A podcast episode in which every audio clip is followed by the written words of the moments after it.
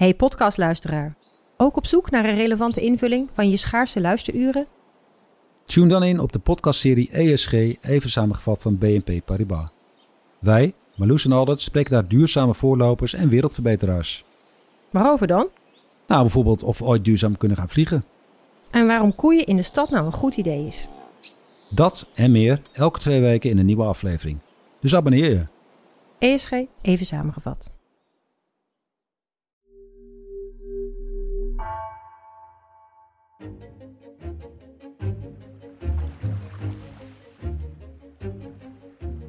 Welkom. Wij zijn Onbehaarde Apen. Dit is een zomerpodcast van NRC over het begin. In deze podcast zoeken we de komende twee maanden naar alles wat begint. Deze week het begin van technologie. Over hoe technologieën als innovatie beginnen en in standaardisatie verstarren. Mijn naam is Lucas Brouwers. Ik ga op vakantie en dan neem ik mee zwembroek, zonnebrand, laptop, telefoon niet vergeten en alles om die apparaten op te laden. De laptopoplader, een telefoonoplader, de oplader voor de e-book en ook de TomTom heeft zijn eigen stekkertjes en opladers.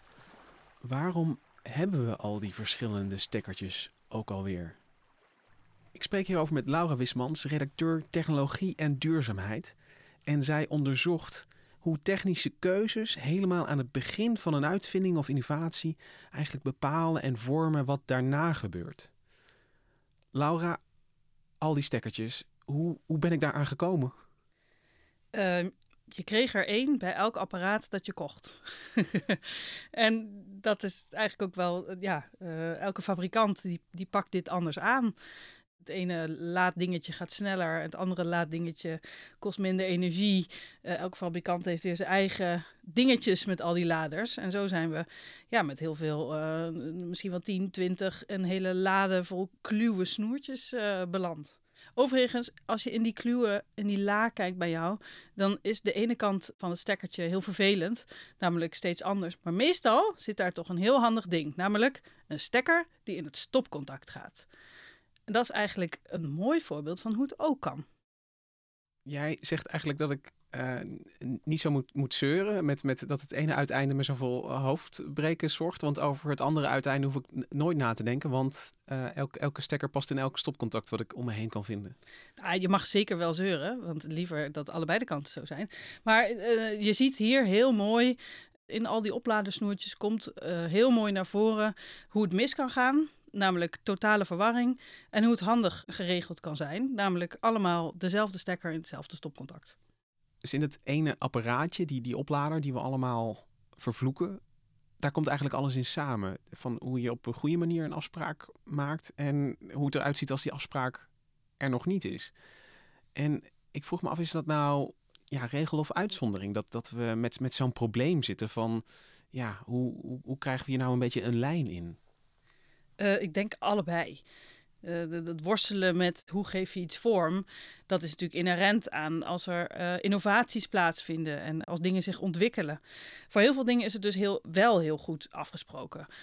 Toen ik ja, hierover ging lezen en met mensen ging praten, ineens ja, ging er een hele wereld voor mij open, ondanks dat ik elke dag in deze wereld leef. Maar het is geen toeval dat alle bierkratjes, dat daar alle flesjes in kunnen, bijna allemaal, geen speciaal bier drinken.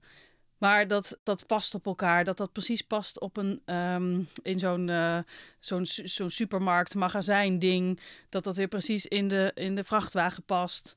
Vooral op transportdingen zie je dat heel goed. Dingen die dus logistiek meteen heel uh, ja, over de hele wereld gaan. Containers, containervervoer. Uh, je hebt van die enorme zeeschepen waar, waar containers op passen. Precies die maat past ook weer in de, in de havens, in de hijskranen, op treinen, op vrachtwagens. Over de hele wereld hetzelfde. Zo ontzettend handig. Het is zo veelomvattend dat, dat je eigenlijk. Ik zit nog te denken aan die, aan die verfoeide oplader. Maar eigenlijk gaat het vaker uh, wel goed dan niet goed als ik jou zo hoor. Het is, het is overal die, die afspraken die ons leven makkelijker maken. Die logistiek makkelijker maken. Hoe komt zo'n afspraak tot stand? Uh, ja, dat kan op verschillende manieren natuurlijk. Uh, soms gaat iets heel willekeurig. Iets wordt uitgevonden, het blijkt te werken en dan wordt het vanzelf groot. Ja, dat is, dan, ja, dan, je bouwt zo'n beetje organisch op iets voort. Nou, een van de eerste dingen die misschien wel uh, zo, zo uh, gingen was uh, elektrisch licht en een lampfitting. Vind ik een mooi voorbeeld. Ehm, je hebt twee fittingen, meestal in Nederland, de, de E14 en de E27.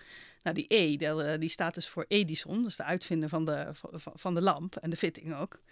Wist ik al niet. Maar goed, in ieder geval, als je nee, kijk, maar als je dat uh, een lamp hier koopt of in Australië bij wijze van spreken, E14 en E27 betekent hetzelfde en je kunt het veilig in een lamp draaien en je kunt er elektriciteit doorheen laten lopen. Dat zijn bijvoorbeeld van die dingen die dan al heel lang zo zijn en ja, misschien ook wel tot in het einde der tijden zo blijven. En die, die willekeurigheid zit er dan in dat eigenlijk men is gewoon is begonnen aan iets. Edison heeft gewoon een bepaalde diameter gekozen voor een fitting en iedereen volgt dat omdat dat gewoon het makkelijkste is. Uh, ik weet niet per se de precieze ontstaan uh, geschiedenis uh, daarvan, maar Edison had er zeker mee te maken. Heel vaak wordt dit dan dus ook afgesproken. Bij licht en elektriciteit was al heel gauw duidelijk dat is iets wat je mondiaal moet regelen. Dus er, er zijn internationale afspraken over, over dit soort dingen. Ik sprak daarover met Willem Wolf. Die heeft, eh, heeft, me daar heel veel over kunnen vertellen. Hij is het hoofd van de afdeling Elektrotechniek en ICT bij het NEN, het Koninklijk Nederlands Normalisatie Instituut. En dat zijn, nou dat is voor Nederland, maar je hebt ze ook op Europees niveau en op internationaal niveau. Dat zijn die instituten waarbinnen allemaal belanghebbenden, van uh, degene die de lamp moet gebruiken tot aan de lampenfabrikant en tot aan uh, degene die de fittingen maakt, allemaal samen maken die afspraken over hoe gaan we iets vormgeven en zorgen dat ja, de dingen uh, bij elkaar passen eigenlijk. Het is een heel verborgen kant van technologische ontwikkelingen eigenlijk. Want ik, bedoel, ik hoor nooit wat over het NEN, het Normalisatieinstituut.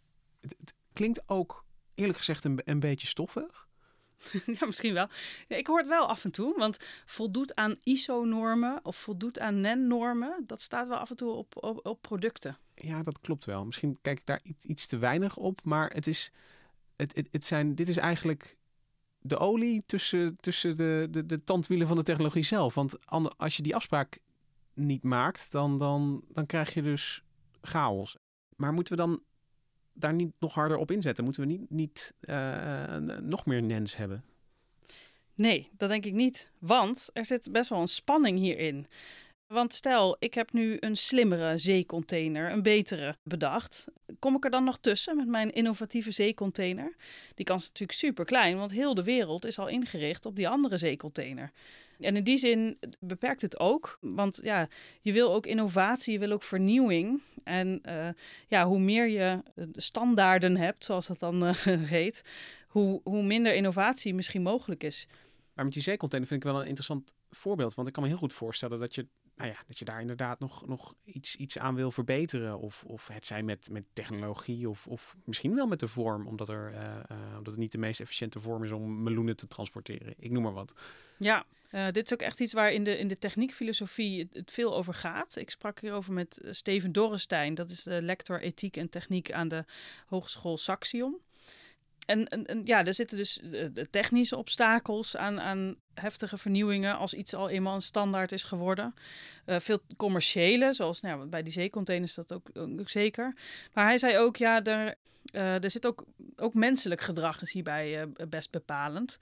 Een term uit de sociologie die hij noemde was um, padafhankelijkheid ja, je kan je eigenlijk meteen voorstellen, je bent op een bepaalde weg gaande en je komt er maar moeilijk meer van af. Je ziet het uh, bijvoorbeeld bij uh, dat wij zoveel vervoer op fossiele brandstoffen hebben. Daar proberen we nu mee te stoppen, maar dat, ja, er komt zoveel bij kijken. Zo makkelijk is dat helemaal niet. Eigenlijk beschrijf je een soort technische traagheid, doordat we met z'n allen misschien wel dankzij goede afspraken met elkaar een bepaalde richting zijn opgeslagen, remt dat ook weer innovatie en is het, is het moeilijk om van dat pad af te komen. Ja, ja. Een heel mooi technisch menselijk voorbeeld hierbij vind ik altijd het, het, het QWERTY-toetsenbord. Het toetsenbord dat wij allemaal hebben.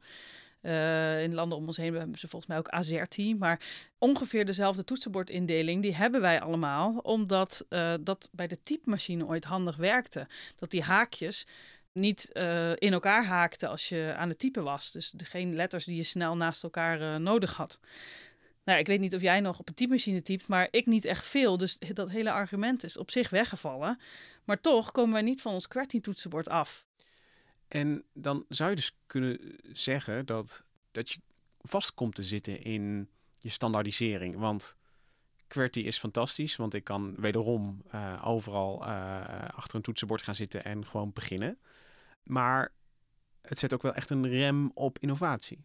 Uh, ja, nou weet ik niet of we per se een, een, nieuw toetsenbord zouden willen, maar de, die gedachte inderdaad wel. Het is wel, ja, in hoeverre, hoeveel moeite moet je doen om een standaard te doorbreken? Wil je ja, een beetje innovatie kunnen doen? In de, in de techniekfilosofie gaat het daar dus ook wel veel over over standaardisering wordt nou ja, best wel vaak over de, over de negatieve kanten nagedacht. Er is een, een Duits-Amerikaanse filosoof, Herbert Mer Marcuse, die uh, het boek One Dimensional Man schreef, al in de jaren zestig. En hij zei notabene uh, toen al van ja, al die, die technische optimalisering leidt tot gelijkschakeling. En wij worden eendimensionale mensen. Eendimensionaal als in de zin van, van, van we gaan allemaal op elkaar lijken? Ja, eigenlijk wel. Steven Dorrestein die zei aan de telefoon een heel mooi, mooi voorbeeld daarvan. Die zei ja, dat was ook een beetje de tijd dat de auto opkwam. En uh, die Marcus die zat in Parijs te werken en hij zag uh, allemaal mensen in de auto stappen in de zomer. Maar al die mensen die met hun nieuwe innovatie, die ineens de vrijheid hadden om overal naartoe te kunnen, die gingen allemaal op de snelweg naar Zuid-Frankrijk staan. Ja, in hoeverre uh, ben je dan innovatief of, of ben je een one-dimensional man aan het worden? En ik moet ook denken aan vliegvakanties uh, bijvoorbeeld. In, in principe kun je een, een ticket naar alle uh, bestemmingen ter wereld. Ik bedoel, de wereld ligt nu echt aan onze voeten. En we kiezen toch vaak voor zon, zee, strand als we onze koffer aan het inpakken zijn. En daar de goedkoopste tickets ook voor vinden. Dus er zit ook dat technologische aspect aan. Dit infrastructuur van het vliegen is, leidt ons ook daar naartoe. Ja, ja. ja, een andere filosoof is Jacques Ellul. Die zei ook, ja, het zit een beetje in de aard van het beestje. Die standaardisering en de gelijkschakeling. Van hem is de term one best way. Er is, er is maar one best way. Als je maar lang genoeg rekent, is er technologisch gezien één beste manier. En hij ging er dan dus ook vanuit dat technologische vooruitgang verdere perfectionering van een technologie is. Nou, daar kun je natuurlijk wel je vraagtekens bij zetten, precies wat je eigenlijk nu hier doet. Um, maar dat is waar het in de techniekfilosofie best wel uh, veel over gaat nog steeds. En als je naar die andere grote ontwikkeling van dit moment kijkt, en waar, waar je ook zelf veel mee bezig bent, met, met uh, verduurzaming, met de energietransitie, um, dan ben ik wel benieuwd naar van hoe kijk je daar dan, dan tegenaan met deze bril? Ja, dat vind ik dus reuze interessant. En daar is nu ontzettend veel gaande. Dus daar is, daar, is echt heel goed die, de spanning met de oude uh, standaarden zichtbaar. Een heel mooi voorbeeld is, bijvoorbeeld nu dat we allemaal LED-lampen hebben die op gelijkstroom gaan. Maar uit het stopcontact komt wisselstroom. Dus dat moet omgezet worden voor de lampen gaan branden. Tegelijkertijd liggen op heel veel daken zonnepanelen waar gelijkstroom uitkomt. En dat wordt aan het net geleverd, niet direct aan die lampen. Nee, dat wordt aan het net geleverd. Dus dat wordt eerst weer omgezet in wisselstroom. Ja, dat is natuurlijk een best wel onlogisch uh, systeem. En je kunt je nu dus afvragen, ja, we gaan nu al, al decennia, honderd jaar doen we heel veel met gelijkstroom. Of sorry, doen we heel veel met wisselstroom. Maar is het niet logischer dat we weer veel meer met gelijkstroom gaan doen? Misschien is het wel tijd voor een grote systeemverandering. Maar uh, ja, zo, zo snel gaat het niet. Terwijl ja, veel innovaties, die zitten daar toch een beetje tegen aan te schurken. Kan het niet logischer, of is het niet logischer om het anders uh, te organiseren? En zo kan er dus toch geknabbeld worden aan een afspraak, aan een standaard. Want wisselstroom is de afspraak die we met elkaar gemaakt hebben. Maar als er maar misschien genoeg nieuwe technologieën uh, daar een beetje tegenaan beginnen te duwen. Kun jij je voorstellen dat we op een gegeven moment een kantelpunt bereiken en zeggen nou, het was leuk die, die wisselstroom, maar nu heeft het veel meer voordelen als we overgaan op gelijkstroom? Uh, ja, ik denk dat dat wel mogelijk is. En bijvoorbeeld Willem Wolf van het NEN denkt dat ook. Maar het, is een hele trage transitie. En dat ja, zit hem gewoon in dat het ontzettend veel omvattend is. Er komt heel veel bij kijken, heel veel belangen. En ook ja, heel, heel eh, praktisch eigenlijk. Als je heel veel met gelijkstroom gaat doen, dan moet je ook het hele elektriciteitsnet anders gaan doen. In mijn huis zou het betekenen dat ik al mijn stopcontacten moet vervangen. Terwijl ja, die stopcontacten zijn prima die kunnen zo nog, uh, nog decennia mee. Nou, dus ik denk dat ik pas over decennia ga ik dat pas doen. En uh, tot die tijd uh, zitten we dan op een soort uh, twee-sporen systeem. Nou, dat laat wel zien dat het voor de, de, energietransitie zou het denk ik heel goed zijn als er wat grote klappen in één keer gemaakt kunnen worden. Maar in de praktijk met alle um, ja, technische, commerciële belangen en ook, ook dus hoe snel de mens zich kan aanpassen aan nieuwe technologie, ja, dat kan zomaar niet.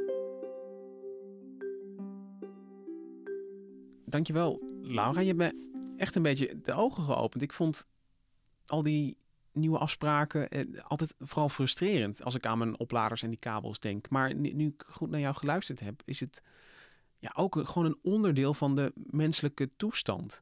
Dit is eigenlijk de menselijke kant van technologie. Technologie kan niet werken, tenminste niet op grote schaal, als we het niet met elkaar hebben over hoe we dat dan doen. Ik heb het net, net stoffig genoemd, maar dat wil ik ook eigenlijk terugnemen. Ik vind het helemaal niet stoffig meer. Ja, ik denk dat, dat Willem Wolf daar ook heel blij mee zou zijn. Hij, hij krijgt dit vaker te horen, maar zelf uh, vindt hij zijn werk heel sexy, zei hij letterlijk. Nou, dat is toch prachtig dat iemand na 27 jaar bij de NEN het zo omschrijft. Ik vind het ook sexy en dat is aan jou te danken, Laura. Bedankt dat je hier uh, kwam vertellen over, uh, over stekkertjes, over de grote energietransitie en alle ideeën die daarachter schuil gaan. Ik ga in ieder geval mijn koffers weer verder inpakken. Um, misschien laat ik mijn laptop wel thuis. Dat scheelt toch een stekker. Luisteraar, bedankt voor het luisteren naar deze zomeraflevering over het begin. En wil je nou nog meer weten over technologie en innovatie en hoe dat ontstaat? Lees dan aankomende zaterdag ook de krant, want daarin staat een verhaal van Laura Wismans over innovatie en de energietransitie. Rosa van Toledo, bedankt voor de productie van deze aflevering. En wij zijn er volgende week weer. Tot dan!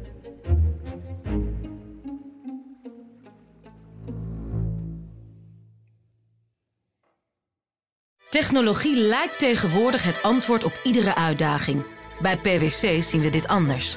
Als we de potentie van technologie willen benutten, kunnen we niet zonder een menselijk perspectief. Human-led, tech-powered noemen we dat. Ga naar pwc.nl.